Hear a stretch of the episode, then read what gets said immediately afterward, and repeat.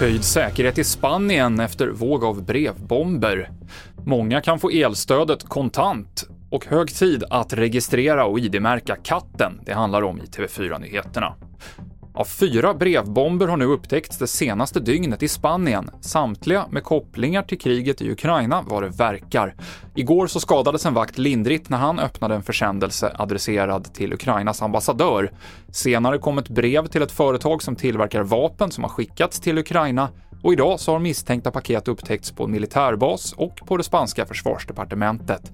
Nu höjs säkerheten i landet, men det är oklart vad som ligger bakom brevvågen. Vi vet heller inte vad orsaken är eh, till det. Det är ingen grupp som har eh, tagit på sig det här eller, eller så.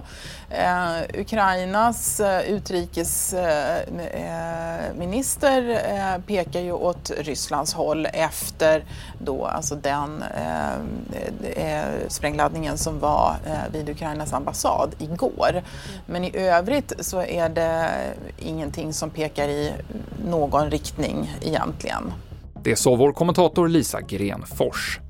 Många hushåll kommer att få sitt elstöd utbetalt på en avi. Det här beror på att Försäkringskassan, som ska betala ut pengarna, inte kommer kunna ta fram kontonummer till alla som ska ha stödet.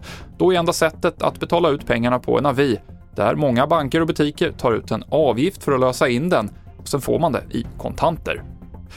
Och snart så blir det olagligt att äga en katt som inte är ID-märkt och registrerad. Efter årsskiftet börjar en ny lag att gälla med ett nationellt kattregister.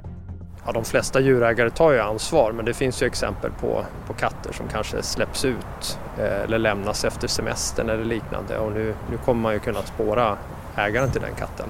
Magnus Rosenqvist, förbundsdirektör vid Sveriges veterinärförbund. I studion nu, Mikael Klintevall.